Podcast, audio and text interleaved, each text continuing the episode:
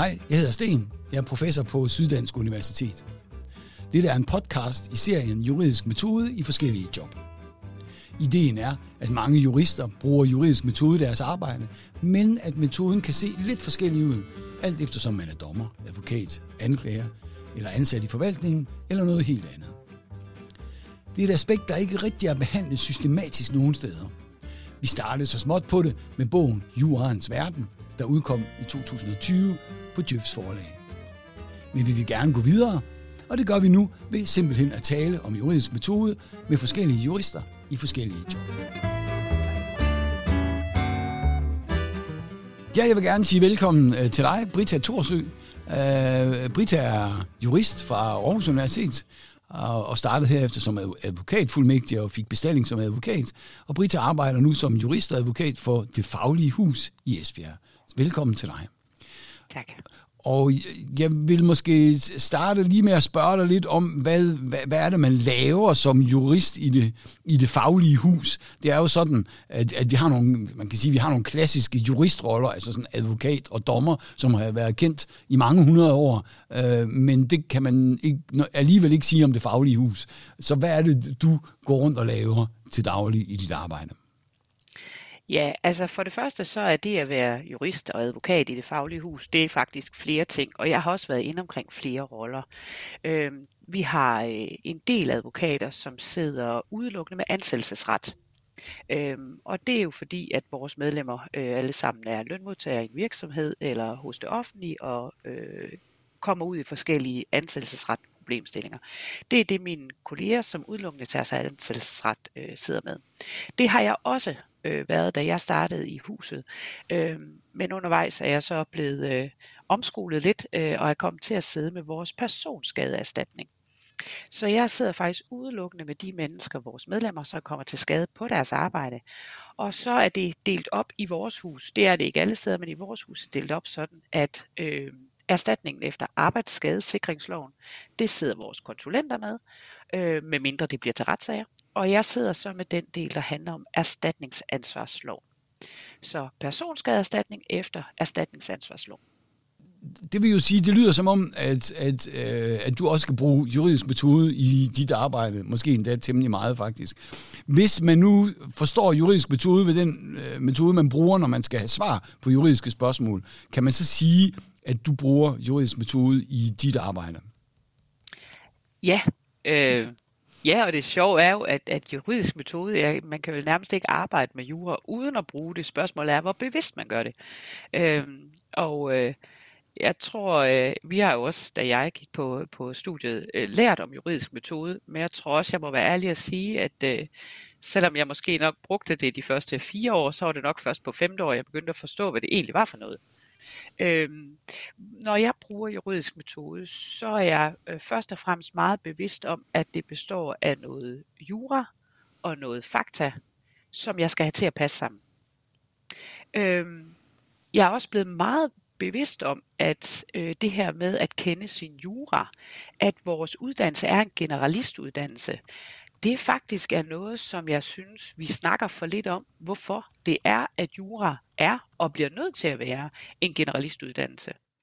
Fordi øh, jeg sidder jo godt nok udelukkende med personskadeerstatning, og derfor kan man blive sådan meget begrænset af, at man siger, okay, men jeg skal bare kende erstatningsansvarsloven. Eventuelt med lidt supplement for arbejdsskadesikringsloven, for der kan være nogle fradrag af poster. Men at kende øh, jura er jo også at vide, hvornår man pludselig kommer til at røre ved noget andet hvornår der pludselig kommer noget EU-ret ind over. Øh, hvornår der pludselig kommer øh, noget miljøret ind over. Jeg havde øh, ja, øh, inden for ja, fem år siden, pludselig et medlem, der blev ringet øh, ind til os, om vi kunne hjælpe med, at han var blevet øh, mødt med et erstatningskrav for sin arbejdsgiver, fordi han, som ansat på et gods, havde øh, lagt slakker ud fra et pillefyr eller et eller andet form for fyr. Øh, og det her erstatningskrav, det er jo inden for mit øh, område. Øh, altså erstatningsretten, det er jo den samme lov. Øh, og derfor kom den videre til mig, fordi jeg vidste noget om erstatningsret, og kunne man rejse det her erstatningskrav mod den her ansatte. Og så er man jo nødt til også at vide noget om ansættelsesret. hvem bærer egentlig ansvaret for ting, som den ansatte udfører. Man bliver faktisk også nødt til, og det gjorde jeg så ikke, så jeg måtte jo hente bistand andre steder fra, man bliver også nødt til at vide noget om miljølovgivningen. Må man lægge slakker ud? Og hvis man lægger det ud, hvad er så reglerne for det? Og hvorhen må man lægge det? Og var det i øvrigt korrekt, det der miljø, øh, den beslutning, der var blevet truffet fra, fra øh, jeg tror det var en forvaltning, der havde truffet en beslutning om, at det havde været ulovligt. Var det, altså, var det et korrekt forbud mm-hmm. og et korrekt erstatningskrav? Så at kende sin jus øh, handler jo rigtig meget om at være generalist, og det kan godt være, at vi ikke skal vide noget om det hele, men vi skal godt nok være opmærksom på, når vi begynder at røre ved noget, vi ikke ved noget om. Så det her med, at mm. du har noget jus, og så har du noget fakta, og så skal du få det hele til at gå op i en højere enhed, så du ender med den juridisk korrekte øh, afgørelse. Ja. Øh, jeg synes, det er glimrende, og, og jeg synes også, du har leveret et, et udmærket øh, forsvar for, argument for, hvorfor øh, juristuddannelsen faktisk nødvendigvis skal være en generalistuddannelse. At det kan simpelthen ikke nytte noget, at vi, vi bliver meget sådan ensporet inden for et eller andet. Det er selvfølgelig vældig godt, vi skal jo specialisere os, det gør vi jo typisk alle sammen i et eller andet omfang, men at vi bliver nødt til at vide noget, noget om... Øh, Øh øh, øh, øh, nogle andre områder, som vi lige pludselig kan komme til at beskæftige os med, og som er helt nødvendige for at kunne, kunne svare på de spørgsmål. Det synes jeg er, er, er glimrende. Øhm, du, du siger, øh, så vil jeg godt lige spørge lidt ind til, du siger, at, at jus og faktum skal passe sammen. Øh, hvordan, hvordan, hvad mener du med det? Ja, det, det, lyder, det lige ved, det kan komme til at lyde en lille smule suspekt i mine ører, at når så, når nu passer faktum ikke rigtigt til jussen, så nu laver vi lige lidt om på faktum. Men det er vel ikke det, du mener? Nej, heldigvis ikke. Så vil jeg nok skulle tilbage på skolebænken. Ja. Nej, øh, jeg, har, jeg har undervist et par år på, øh, på HHX'en, øh, eller ja, HHX'en. Nej, HHX'en, jo, øh, på det lokale gymnasium. Og øh, der får man jo lov til at putte tingene ned i et niveau, hvor forhåbentlig også de søde gymnasieelever kan være med. Og det jeg prøver at sige, når jeg siger, at user faktum skal passe sammen, det er for eksempel, hvis du taler ugyldighedslæren, at øh, det er ret vigtigt, at du holder styr på, øh, hvis bestemmelsen siger, at øh, tredje man har ud, øh, udvirket svig, øh, så er det ret vigtigt, at det faktum, du putter på, du finder en, der har udvirket svig, er det så rent faktisk også tredje mand, der har gjort det. Så hvis du har en bestemmelse, du synes, ah, den, den passer godt, den her, men dit faktum ikke opfylder betingelserne.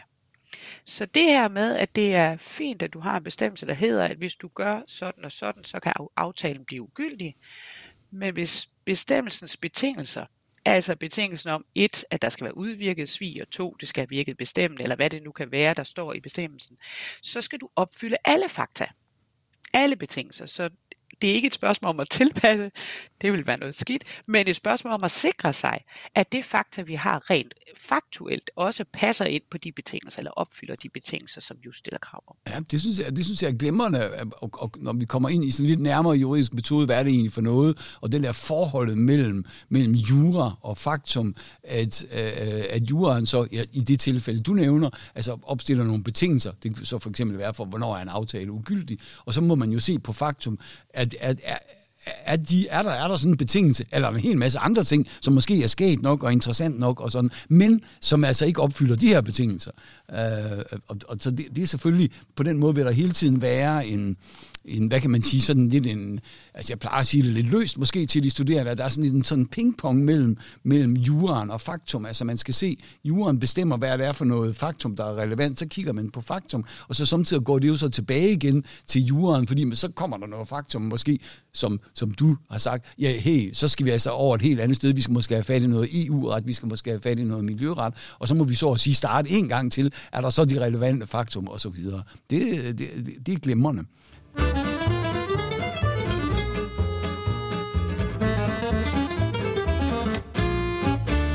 Hvis vi går lidt, lidt, sådan, lidt mere detaljeret ned i juridisk metode, kan man sige, altså i jurens verden, der, der går vi, eller når vi så går til retskilderne, og så angiver vi, øh, ikke overraskende, kan man sige, altså love og retspraksis som, som de vigtigste retskilder, og så kommer sædvaner og retsgrundsætninger. Er det noget, du sådan kan genkende fra, øh, fra dit arbejde? Ja, der kan man jo sige, der er erstatningsretten jo nok en af de allerældste øh, juridiske områder. Øh, så derfor er der jo en del, der er baseret på, altså vi har jo ikke kulpa skrevet ned noget sted. Vi har ikke, øhm, hvad hedder det, øh, der, der bliver brugt retsgrundsætninger til at løse mange af de her med, hvem står med bevisbyrden, hvem er det, der, øh, der er, øh, ja, hvem, hvem er det, det er relevant at kigge på i forhold til de forskellige betingelser. Så, så øh, vi bliver nødt til at have en vis fornemmelse af, hvornår er det lovgivning, der er det væsentligste, og hvornår bliver vi nødt til at forlade os rigtig meget på praksis, og hvordan har man fortolket sådan noget som for eksempel kulpøs ageren fra en arbejdsgiver i forbindelse med arbejdsskader? Det er jo øh, i vidt omfang øh, baseret på, øh, vi er jo tilbage til bonuspater, mm. øh, altså hvornår opfører man sig som arbejdsgiver, øh, som en ordentlig arbejdsgiver, øh, og, øh, og derfor så, så jeg går jo decideret ind øh, og kigger på. Øh, og vi starter jo faktisk nærmest ikke engang i loven. Vi starter jo netop faktisk med de her retsgrundsætninger, hvor, hvor altså for at komme ind i erstatningsansvarsloven, så skal der allerede være truffet, altså øh, der skal vi allerede have fundet et ansvarsgrundlag. Øh, og, øh, og hvad hedder det, øh, vi skal have kigget på årsagssammenhæng, og vi skal have, have, have kigget på, om der foreligger et tab. Og så siger erstatningsansvarsloven jo faktisk mest noget om, hvad det så er for et tab, vi kan få dækket. Så øh, bortset fra, at mine retskilder sådan lige er blevet vendt lidt om, fordi jeg oftest ikke starter i loven, så er jeg jo meget bevidst om, at, at jeg har nogle krav, der bliver stillet efter de retskilder, som netop er gældende. Og det er så øh, ret, et ret langt stykke hen ad vejen hos mig. Øh, grundsætninger øh, og retspraksis i jurens verden går vi også lidt et nummer ud af, og du har været lidt inde på det, altså hvad vi kalder de sådan, tre geografiske områder. Altså man har sådan dansk ret i snæver forstand, øh, med, med love for Danmark og dommer for danske domstole, og, og så har vi øh, EU-retten med forordninger og direktiver og, og EU-domstolen osv., og, og så har vi europæisk menneskeret, øh, og, øh, og især de mange domme, der er knyttet til. Er det, øh, er, hvordan, hvordan ser det ud fra din stol? Ja, den studie, jeg sidder på nu, altså personskadeerstatningsretten, der er det meget lidt, vi rører ved øh, både for den sags skyld EU-retten og menneskerettighedskonventionerne. Øh, øh, men mine kolleger, der sidder med ansættelsesret, øh, og vi er jo så, eller jeg er så heldig, at, at jeg har fået lov til at uddanne syv fuldmægtige, og de fuldmægtige har alene siddet med ansættelsesret. Så derfor har jeg hele tiden haft muligheden for at have en finger øh, også på ansættelsesretten stadigvæk. Øh, og de render jo løbende ind i, øh, jeg vil nærmest sige, det er næsten halv-halv, hvor meget af vores lovgivning på det område, der er øh, EU-baseret, og hvor meget der alene er, er øh, hvad hedder det, baseret i Danmark. Og så har vi jo den yderligere, at øh, vi har meget, der er baseret på det her, øh, den danske model, hvor vi jo faktisk har fået lov til at hive øh, aftale, øh, mellem, aftaler mellem arbejdsmarkedets parter op på lige fod med lovgivning. Altså der er en del af, af de danske love, som simpelthen har en bestemmelse, der hedder, at i det omfang, at øh, arbejdsmarkedets parter kan opnå en løsning, som stiller medarbejderne, lønmodtagerne, for det er jo oftest dem, der bliver beskyttet, øh, stiller lønmodtagerne lige så godt eller bedre, end loven forudsætter, så må man fravige loven i en overenskomst. Øh, og det er jo noget af det, der er særligt inden for, øh, eller for den danske model. Og så render man jo ind imellem, øh, det har vi jo blandt andet haft, ah, det er jo ved at være, det er vel ved at være 10-15 år siden, der havde vi jo fedmesagen, altså som handlede om, hvorvidt øh, at det at øh, være beskyttet mod øh, forskelsbehandling på grund af handicap, hvorvidt det at være fed var et handicap. Mm. Øh, og da sagen havde trukket ud i meget lang tid, jeg kan faktisk ikke huske, om det var den, eller det var en tilsvarende sag om det her med forskelsbehandling, så kommer den jo for, øh, for menneskerettighedsdomstolen i forhold til øh, det her med, hvor lang tid må en sag overhovedet være undervejs. Øh, som I godt kan høre, det er ikke det her, jeg sidder mest med, men det er den her fornemmelse af, at vi ved godt, at vi er en del af et meget større hele. Øhm, nogle gange er jeg meget glad for, at jeg sidder med erstatningsretten, fordi den trods alt ikke bliver bombarderet øh, fra EU. Og det er der jo rigtig mange områder, øh, der gør efterhånden med lovgivning, som du bliver nødt til at sætte dig ind i, og praksis, som kommer øh, hvad hedder det, fra andre steder end bare de danske domstole. Ja. Øh, og og, og det, det, det understreger også det, som du, du sagde tidligere, nemlig det der med, at ja, vi, det skal være en generalistuddannelse, fordi altså ikke nok med skal vi vide øh, noget om, åh, der kan være nogle andre områder, vi bliver nødt til at vide noget om, men det kan altså også være EU-ret, og lige pludselig så kommer europæisk menneskeret ind over på, på en måske uventet måde, som du fortalte om her med, øh, når man nu har muligvis, jeg ved ikke, hvordan sagen faldt ud, men nu, nu er der muligvis gået så lang tid, at det i sig selv er i strid med, øh, med den europæiske menneskeretskonvention. Det kan man sige, det var jo noget helt andet, sagen drejede sig om. Så man skal altså øh, have det her blik for, at der kan øh, være andre juridiske problemer i, øh, i en sag. Øh, et element i juridisk metode er jo så selvfølgelig også fortolkning, altså fortolkning af, af, af lovbestemmelser og retsgrundsætninger og sådan. Øhm, hvordan, hvordan gør du det? Ser du på fortolkningen sådan specielt ud fra et klientsynspunkt, eller, eller kan, kan, kan du sige noget om det? Ja, det kan jeg godt. Øh, jeg er jo så heldig, at jeg nu sidder i, i et, et forbund, som har til formål at beskytte øh, medlemmernes interesser. Øh, vi sidder som sagt, øh, ja, jeg tror efterhånden, vi er en 12-15 øh, advokater, øh, og vi holder jævnligt øh, teammøder, øh, hvor vi netop drøfter, når vi synes, sagerne er svære. Og det kan jo både være i forhold til, hvad kan vi bevise, men det kan også være i forhold til, hvordan fortolker vi en eller anden bestemmelse. Og, øh, og der er vores holdning, at øh, vi fører ikke sager, vi ikke kan vinde. Altså, det, det er klart, at hvis vi pludselig har et eller andet principielt, hvor man kan sige, det her, det skal prøves. Øh, det, det, vi ved ikke, hvad det falder ud til. Men ellers er vores holdning en, eftersom vi jo bruger alle medlemmers penge på at føre sagerne, så skal vi ikke føre sager, øh, bare fordi vi kan føre den, hvis vi godt ved, at det her det er tabt på forhånd. Omvendt, så skal vi selvfølgelig føre tvivlsagerne. Vi skal ikke kun føre dem, vi kan vinde. Vi skal føre tvivlsagerne, fordi vi er her jo for at få afklaret den tvivl. Så når vi står i en situation, hvor vi er i tvivl om, hvorvidt øh, vi kan øh, overbevise dommeren om en eller anden specifik fortolkning, hvorvidt vi kan øh, løfte vores bevisbyrde, øh, ikke hvis vi slet ikke har nogen beviser, men hvis vi beviser, vi har, taler i den ene retning, og vi er i tvivl om, hvorvidt de vejer tungere end de beviser, vi er blevet mødt, for, eller mødt af fra vores modpart, så fører vi sagerne. Så vi har en medlemsvenlig fortolkning derhen, at hvis noget er, er et tvivlsspørgsmål, så fører vi sagen. Det er glemrende.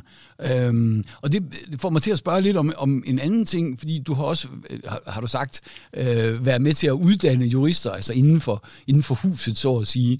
Øh, og, og det tænker jeg, det er vel ikke noget, du har lært på studiet? Det der med at uddanne andre jurister i, i, øh, inden, inden for ens område på ens arbejdsplads? Nej. Og, og øh jeg tror også, at grunden til, at jeg har gjort det, har fået lov til at blive ved med det, er, at jeg måske har et talent for det. Ja. Øhm, ja, det øh, jeg, er, jeg er god til, jeg er egentlig ikke den dygtigste advokat på vores kontor. Jeg er ikke den klogeste advokat på vores kontor. Jeg er slet ikke den mest vidende. En af mine udfordringer som jurist er faktisk, at jeg ikke er særlig god til at huske. Altså, jeg husker ikke, hvad bestemmelsen hedder. Jeg husker ikke, hvad dommen hedder, eller hvilket nummer den har. Øhm, og det er jo en af de ting, det er rigtig godt at kunne som jurist. Altså, der er meget, du kan spare af tid, hvis du kan huske på forhånd. Det er løst i den her dom for højeste ret tilbage i 2012. Det er ikke min styrke. Til gengæld er jeg rigtig god til at øh, være nysgerrig øh, og stille spørgsmål. Og, øh, og så er jeg god til mennesker. Øh, så jeg er god til at finde ud af, hvad der skal til for at gøre en virksomheds jurist til den bedst mulige udgave af sig selv. Og det bliver de jo ikke af at lære af mig. Det bliver de af at finde deres egne styrker og deres egne svagheder, og så blive bedre begge steder.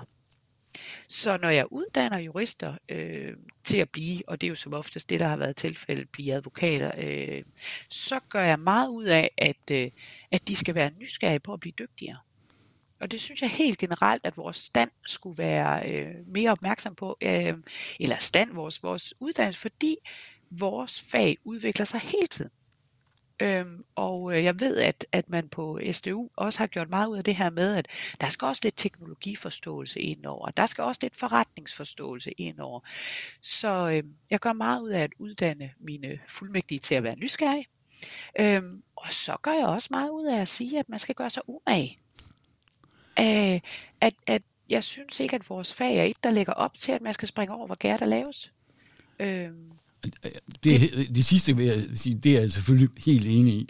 Uh, men jeg synes, det, det, jeg synes, det er meget interessant, det du siger, også, og også for, uh, altså for det der med, at der er forskellige, man kan have forskellige roller som, som jurister, man kan bruge, man kan selvfølgelig bruge juridisk metode på, på lidt forskellige måder, men det du siger der med, at man har også, også lidt i kraft af sin personlighed, nogen er er rigtig, rigtig gode til at huske rigtig meget udenad. Øh, nogen er gode til andre ting, og, og, og det at blive øh, og, ja, så har, vi, altså efter uddannelsen, så, så finder man måske også ud af, at der er nogle ting, man faktisk er rigtig god til. Man er måske god til at organisere. Man er måske god til at øh, netop at, at, at få, få andre til at blive rigtig øh, dygtige jurister.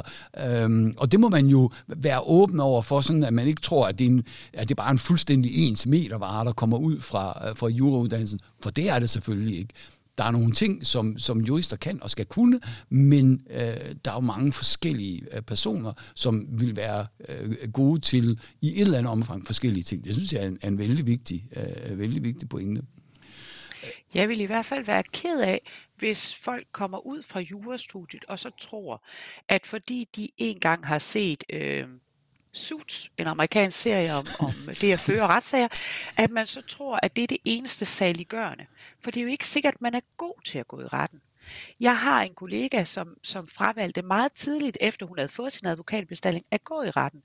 Fordi hun havde hun blev utilpas af det. Hun kunne ikke lide det der øh, præstationspres, der faktisk ligger i at føre retssager. Øhm, men hun er til gengæld øh, en uundværlig kollega, fordi hun er, hun er netop en af dem her, der er rigtig, rigtig dygtig til at huske, og til at se, altså til at kunne rigtig meget vide noget om rigtig mange områder. Øhm, og der er der jo, altså, der er der jo forskel på, hvad mine kolleger kan, og det er til trods for, at vi alle 12-15 stykker er blevet advokater, men vi er da fuldstændig forskellige i vores evner mm. og vores øh, styrker, og derfor er jeg også glad for, at vi er i et hus, hvor vi, vi har fokus på at være forskellige. Mm. Så jeg må godt gå ind til min kollega, fordi undskyld, men jeg kan ikke huske, hvad var det nu for den her dom? Jeg ved, det var noget med udløsende og medvirkende. Kan du ikke lige hjælpe mig med et nummer? Jo, det kan jeg da. Bum, bum, så er den der. Og omvendt så kommer min kollega ind til mig og siger, Brisse, jeg har lige lidt svært ved at finde øh, hoved og hale i den her sag. Jeg synes, der er mange fakta, og det er en af de ting, jeg er god til. At man, altså, jeg plejer at, at, at sammenligne min hjerne med, øh, der er nogle hjerner, der er indrettet med rigtig mange øh, reoler, så kan man putte rigtig mange ting ind på hylder, og øh, man kan sætte små øh, post-it på. Her ved man, at her har man alt det, der handler om det, og alt det, der handler om det. Så jeg har et kæmpe stort arkiv. Mit arkiv, det er ikke så godt. Men til gengæld så er mit skrivebord kæmpestort.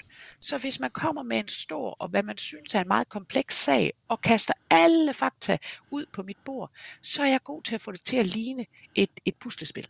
Altså jeg er god til at få brikkerne til at hænge sammen. Ja. Øhm, så det ville jeg godt, hvis man havde mere fokus på som person, altså som jurist, at man simpelthen tænkte lidt over, hvad er jeg god til? Fordi det kan også spille ind på, hvad er det rigtige job bagefter. Ja. Det, det behøver ja. ikke at være det, man troede, det var. Det kan være, at man troede, man skulle være anklager, men hvis man som mig øh, så havde strafferet og fandt ud af, at hver gang man læste en af de der domme, hvor nogen var gået i stykker, så gjorde det ondt på mig, så var det nok ikke anklager, man skulle være. Ja. Men det, det, jeg synes, det er fuldstændig rigtigt at få, for, hvad kan man sige, få ens, ens øh, person til at, og, øh, eller øh, at få det til at passe, altså ligesom du sagde, at man faktum og just skulle passe sammen, altså at der også er, at, at det job, man har også i et eller andet omfang passer sammen med, med ens personlighed, som selvfølgelig ikke er fuldstændig givet på forhånd, fordi man kan blive overrasket over, nå, det her, det var jeg faktisk meget god til, eller det kan også gå den anden vej, ja, det var det, jeg, var, jeg, var jeg sgu ikke så god til, og sådan. Det synes jeg er en vældig god pointe. Jeg vil godt lige spørge øh, i forhold til, fordi nu nævner du det med at, at være advokat. Normalt tænker jeg, vil man forbinde det med at være advokat, jamen, så arbejder man i et advokatfirma og, og sådan. Øh, hvordan, hvordan kan man være advokat i det faglige hus? Ja, i, vi er jo øh, i den specielle situation, vi har kun én klient vores eneste klient er, øh, ja, det vil så sige, i det faglige hus, der består, det er en paraply, hvor vi er fire forbund og en A-kasse. Så i bund og grund. Men, men min ansættelse er ved et forbund, hvor jeg så fører sagerne på vegne af forbundet. Øhm, så det er jo anderledes, end når du er ude i et advokathus, og du har forskellige klienter. Øhm, men ellers så består vores dag jo af det samme, som jeg ved mine kolleger, som sidder i advokathuse, hvor man kun har personskadesager. Jamen så får man en person ind, øh, vi er rigtig meget på telefonerne, rigtig meget på computeren, så får man en historie, en historie ind fra en person, som siger, der er sket det og det på mit arbejde, jeg er kommet til skade sådan og sådan. PT er min helbredsmæssige situation sådan og sådan, og min ansættelsesmæssige situation er sådan. Øhm, og så går jeg i gang med at finde ud af, øh, er det her øh, en skade, der berettiger til erstatning efter erstatningsansvarsloven? Og det vil jo i første omgang rigtig meget, nu snakker vi juridisk metode, betyde indsamling af fakta. Fakta, fakta, fakta, fakta, fakta. Rigt alt, hvad du overhovedet kan få ind, og så kan det godt være, at det viser sig, at 50% af det er irrelevant i sidste ende. Men, men det er igen der, hvor jeg taler meget for nysgerrigheden, for jeg oplever, at jo mere vores medlemmer får lov til at fortælle, jo større sandsynlighed er der faktisk for, at jeg får de relevante fakta, fordi en skadeligt, og det kan være en hvilken som helst ikke-jurist, ved ikke nødvendigvis, hvilke fakta, der er relevante for vores subsumption. Så det der med at lade den fortælle, og så lave nogle gode noter undervejs, og så kan man bagefter spørge ind til, nu nævnte du lige, at din kollega stod ved siden af, mm, måske der er noget vidneerklæring her, der kunne være relevant i forhold til at dokumentere vores, øh, øh, vores påstand om et ansvarsgrundlag for eksempel. Øhm, og så når vi har alle fakta ind, jamen, så prøver jeg jo at, at finde ud af, om vi kan løfte vores bevisbyrde, og om vi kan godt gøre tab. Øhm, så, så, og det er helt som at være advokat et andet sted, og så prøver vi jo altid at forlige vores sager. Øh, og det gør vi, fordi der inden, er så... inden du kommer ind ja. på, på det sidste, ja. så vil jeg godt lige øh, øh, vende tilbage til det med, med fakta, som jeg synes er vældig interessant. Øh, fordi det er jo sådan set ikke rigtig noget, øh, man lærer på, øh, eller måske skulle jeg lade være med at sige, hvad jeg mener, men at spørge dig. Det der med at indsamle faktum, er det noget, du lærte på det juridiske studium? Nej, det var det da ikke. Øh, og det er igen, det er jo derfor, jeg siger, at en af mine gaver er, at jeg er så nysgerrig, som jeg er. Øh, men, men jeg er jo så heldig, jeg har også været involveret i SDU's øh, uddannelse i det her, vi kalder aftagerpanel, hvor man skal sidde og fortælle lidt om, hvad kunne vi egentlig godt som aftager, det vil sige, der taler jeg som principal, der uddanner fuldmægtige, hvad kunne jeg egentlig godt tænke mig, at man havde noget nyt fokus på, fordi man gør en masse rigtigt, men hvad er det, jeg oplever, at, at de studerende måske nogle gange glemmer? Øhm, og det er jo fordi, når du er på et studie og skal løse opgaver, så får du jo fakta givet. Ja du får en eller anden opgave, hvor der er beskrevet, øh, så skete der det, så skete der det, så skete der det. Der er der jo ikke mulighed for at være nysgerrig. Og hvis vi er det som studerende, så får vi jo at vide, det er uden for opgavens grænser. så det er jo ikke noget, der ligger op til, og det er ikke, jeg kan sagtens forstå, fordi vi skal jo vurderes på som studerende, kan vi, kan vi løse det ud for de oplysninger, vi har. Men det er jo det modsatte af, hvad der sker ude i virkeligheden. Der er det enormt vigtigt at være nysgerrig. Ja, og, og det er vigtigt at kunne, øh, at kunne få de relevante fakta, som ikke bare sådan, altså de ligger jo ikke bare som, som perler på en snor, eller som oplysninger i, i en skuffe, som man bare kan tage fra en ende af. Det er jo også lidt med, hvordan, altså spørger man, altså spørger man åbent, får man, og, og hvordan man jo typisk, som du siger, øh, nok ofte, altså få, altså, så at sige, for mange øh, fakta på den måde, at der vil også være nogle af dem, nej, det, det her, det er måske ikke så lige relevant, men netop men, men det der med at for, at, for så ikke at afskære, at, at der bliver fortalt om, eller der kommer nogle fakta frem, som faktisk kan være relevante. Kan du, kan du sige noget om, hvordan... Øh, ja, det har, du har sagt lidt om det. Det er fordi, du er nysgerrig. Øh, sådan, hvad, er, er der noget metodisk her, som, som øh, man kunne sige i forhold til det med at, at, at, at, at, at fremskaffe fakta? Ja, altså, jeg, jeg, du, du nævner også det her med, hvordan spørger vi? Altså, ja. du skal være åben, når du spørger. Ja. Øhm, der er øh, der er det her med at få hele historien. Øh, altså lad, lad i vores tilfælde medlem fortælle hele historien. Så når jeg starter ud øh, med at kontakte et medlem, så har de ofte været i kontakt med en anden i mit hus først. Men jeg plejer altid at lægge ud med at sige, jeg ved godt, du måske har fortalt det her før. Jeg vil gerne have hele historien fra dig. Øhm, og så lade dem snakke. Men igen, der skal vi også huske, jeg er meget privilegeret, fordi jeg sidder i en organisation. Så vi er ikke helt så bundet af timesagsregistrering og, øh, og krone for krone, hvad vil medlemmet egentlig fortælle eller øh, betale for.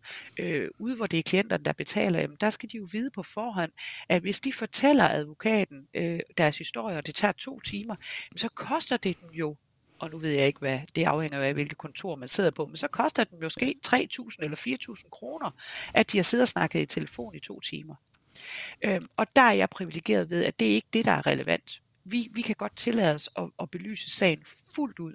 Øhm, og det, det er jeg sikker på, at man også gør andre steder, men, men jeg tror bare, at jeg har mere ro i maven til at kunne tillade mig det.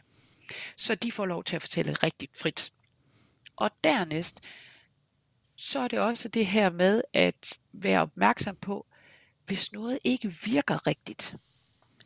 Lad os sige, at, at vores medlemmer, vi, det har jeg jo lært. Jeg har jo også taget nogle kurser undervejs i, i vidneafhøring ja. og, og psykologisk forståelse. Og det er også igen, fordi jeg synes, det er spændende. Hvorfor agerer vi som mennesker, som vi gør? Og det er jo sådan, at vi alle sammen har en tendens til, at hvis noget har virket uretfærdigt på os, eller har gjort ondt på os, så fremstiller vi måske sagen en lille smule selvpositivt. Altså, vi har sjældent gjort, gjort noget galt. Og jeg plejer at sige til mine medlemmer, når jeg stiller sådan lidt kritisk spørgsmål, så er det fordi, jeg nu har været gift på mere end 20 år. Så jeg ved, at, at man kan faktisk godt komme til øh, at sige noget, der er forkert, og bagefter så måtte se i øjnene, at det skulle man måske ikke have sagt. Så ellers så kan man nemlig ikke være gift så længe. Når det så er lavet om til at handle om, om, øh, om vidner, der fortæller, eller øh, medlemmer, der fortæller om det, de har været ude for. Hvis jeg kan hvis, hvis jeg hører en, en person, der fortæller, så gik jeg ind til min arbejdsgiver, og jeg sagde ingenting, og jeg gjorde ingenting, og han eksploderede bare, og han skældte mig ud, og så blev jeg bortvist. Så synes jeg, det virker usandsynligt, fordi de fleste arbejdsgiver, de vil ikke bortvise, uden at der er noget, de reagerer på. Og så tillader jeg mig at være øh, mere kritisk og lidt mere nysgerrig og sige, det lyder ikke særlig sandsynligt. Kan du fortælle mig, hvad er det, hvis ikke du føler, du har gjort noget forkert, hvad tror du, din arbejdsgiver tænker, du har gjort forkert? Så det her med at sige, prøv at hvis tingene ikke hænger sammen, sandheden ligger måske et sted ind midt imellem det, du får fra dit eget medlem, og det, du får fra modparten. Og det viser sig jo ofte at være sådan igen, som i ægteskabet, at sandheden er måske et eller andet sted derinde midt imellem. Og hvis vi gerne vil finde ud af den, så bliver vi nødt til at lytte til den anden side også, og så være lidt selvkritiske. Øh, ja, ja. Jeg, jeg, synes, det lyder glimrende, og, og, og hvis, hvis vi kan man sige, sådan øh, professionelt, metodisk skal nærme os lidt det der med, hvordan er det, vi får fakta, fakta og, og de relevante fakta og, og de øh, sådan cirka rigtige fakta frem, øh, så synes jeg, at det du siger er, er, er vældig interessant, også med, at du, øh, fordi der er nok sådan, der er jo sådan noget med, med sammenhæng, altså hænger en forklaring sammen. Øh, og det vil jo typisk også være, hvis man ender i retten, så vil jo vil forklaringer, der ikke hænger sammen, jo blive tilsidesat. Altså hvis der hele tiden er et eller andet, der skuer, det kan jo ikke passe, fordi, og så går det videre, og det går i ring, øh, så vil det jo blive, øh, er der meget høj risiko for, at det bliver tilsidesat. Men ja, det, det du gør, altså hvis jeg skal oversætte det, eller det jeg hører, det er, at du også sådan bringer dig selv lidt i spil, og du er ligesom sådan så åben på det. Ja, vi siger jo alle sammen øh, noget, der måske er lidt det farvet en gang imellem. Øh, og, og sådan, det er nok en almindelig menneskelig øh, oplevelse, og du bruger det. Så, altså dit ægteskab, det, jeg synes, det er en, en, øh, virker til at være en, altså det, det tænker jeg, det lyder umiddelbart som en god metode øh, til at, at åbne i hvert fald den, de situationer, du sidder i, til sådan, at man skal være, øh, sådan at man får de, de rigtige oplysninger fra, øh, fra personer.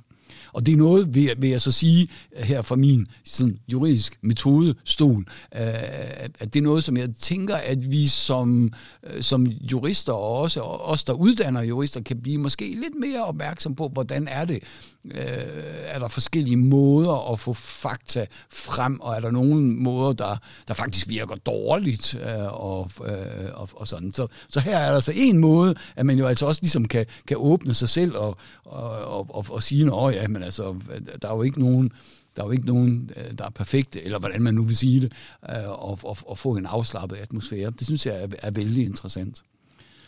Og i forhold til det der, så er det jo også et spørgsmål om, at når det er relevant for os, er det jo rigtig meget det her med, at vi går i retten. Øhm, det kan måske være mindre relevant, hvis du samler fakta ind i forbindelse med noget miljøforurening. Mm. Men, men for os, hvor det handler om mennesker, netop som du siger, vi oplever jo nogle gange, at vidner kommer i vidneskranken og er aldeles upålidelige.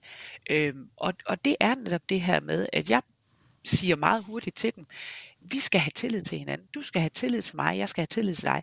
Fordi hvis du ikke har tillid til mig, så får jeg ikke den rigtige fortælling frem. Og jeg har prøvet det her med, at de har forklaret en historie til mig igennem halvanden år måske, mens vi har forberedt en retssag.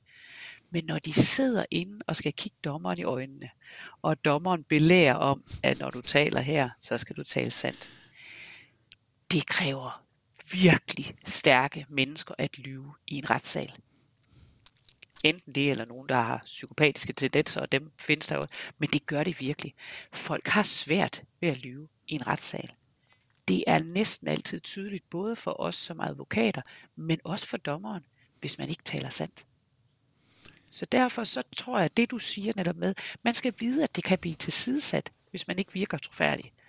Det tror jeg er vigtigt at forklare øh, vores, vores medlemmer, vores vidner, øh, at de kan lige så godt fortælle sandheden en gang for alle.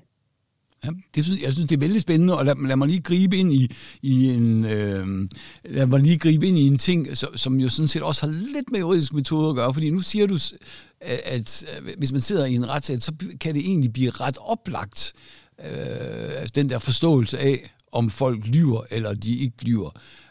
Du har selvfølgelig en lidt kvalificeret øh, baggrund på den måde, at du har snakket med dem, og, og så hvis der lige pludselig kommer en helt anden forklaring, så må der i hvert fald være en af dem, der er forkert, kan man sige. Ikke? Øhm, men, men tænker, men, men hvordan ja, kan du sige lidt mere om, hvordan du fornemmer? Fordi man ser jo også, at dommer samtidig siger, at, at den forklaring virkede øh, utroværdig, eller den bliver til sidesat. Eller omvendt, at øh, vidne har leveret en meget troværdig forklaring.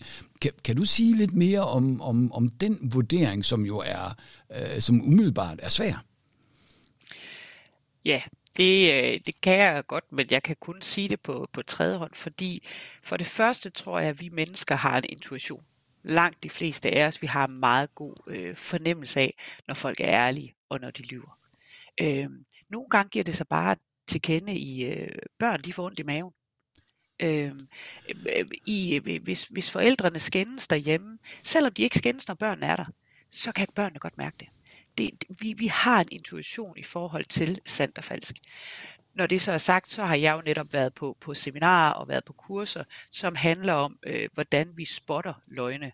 Øh, så det er der nogen, der forsker i og er meget bedre til at fortælle om, end jeg er. Men det, øh, jeg oplever, når vi står i retten, er, at det er svært at lyve. Så hvis du oplever, at et vidne, der sidder i skranken, og det kan jo nogle gange være mine medlemmer, men lige så ofte er det jo vidner, der kommer ind, øh, som, som skal bruges til støtte enten for mig eller modparten. Øh, de er bare, det er svært at lyve, så derfor, hvis forklaringen glider, hvis det virker naturligt, så er det som regel deres sandhed. Så skal man bare huske, at deres sandhed behøver jo ikke at være at den objektive sandhed, mm. det er igen, der er ægteskabet er et rigtig godt eksempel. Jamen, jeg sagde jo, nej, det sagde du ikke. Det er ikke sikkert, at det, jeg siger, er det samme, som min mand han hører. Øhm, og nogle gange, så kan man måske nå frem til, at ja, det er rigtigt, du sagde ja, men alle, der overhørte samtalen, vidste godt, at du mener nej, fordi vores kropssprog jo siger noget helt andet, end det vi siger med ordene. Så sådan er det også, når de sidder i retten. De, øh, det er meget svært at lyve, så ofte så afslører de sig selv ved, at det er svært for dem at give forklaring. Ja, glimrende. Jeg synes, vi har fået rigtig meget ind, også her på, på faktasiden, som er noget, vi, vi i et eller andet omfang øh, nok traditionelt sådan har underbelyst lidt i, øh, i, i den, øh, den juridiske uddannelse. På et tidspunkt talte du om, at I var meget indstillet på at indgå for lige øh, altså ikke gå i retten, men, men at få forligt sagen. Kan du sige lidt mere om det? Hvor, hvorfor forholder det sig sådan? Jeg kan jo lige starte med at binde op på det, vi lige talte om, nemlig at sandheden ofte ligger et sted inde midt imellem.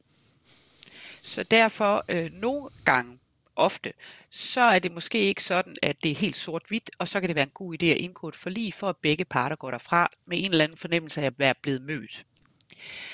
Så er der også det ved det, at vores øh, retssystem er meget presset. Øh, og vi oplever jo, at nogle af de sager, vi skal gå i retten med, og det er virkelig trist det her. Øh, jeg har sager, hvor vi er helt op på, at sagerne er 10 år gamle, inden jeg kommer i retten med dem. Øh, og når man har den erfaring, øh, jeg kan jo afsløre, at det er jo ved at være ja, i hvert fald 20 år siden, at, at jeg kom ud fra, fra studiet, hvis ikke, jeg tæller heldigvis ikke længere, så har jeg lært, at tiden, hvor du er i en konflikt, den er hård.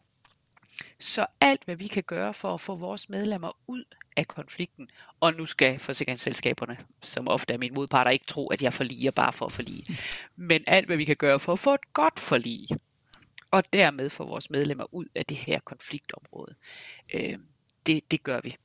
Men, øh, men vi går stadigvæk i retten, fordi der er selvfølgelig ting, man ikke kan blive enige om.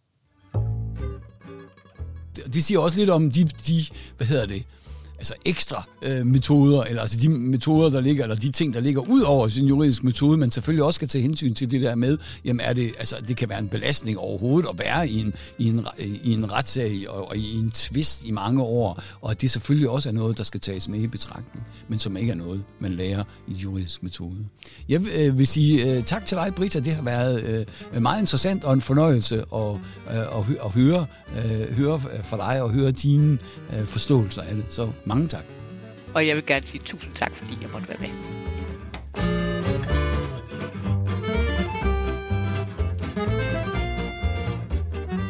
Vi har ikke mere for denne gang. Podcasten er produceret i forbindelse med faget juridisk metode. Jeg, Sten Schaumburg Møller, står for interview og idé, og Carsten Prins står for teknikken.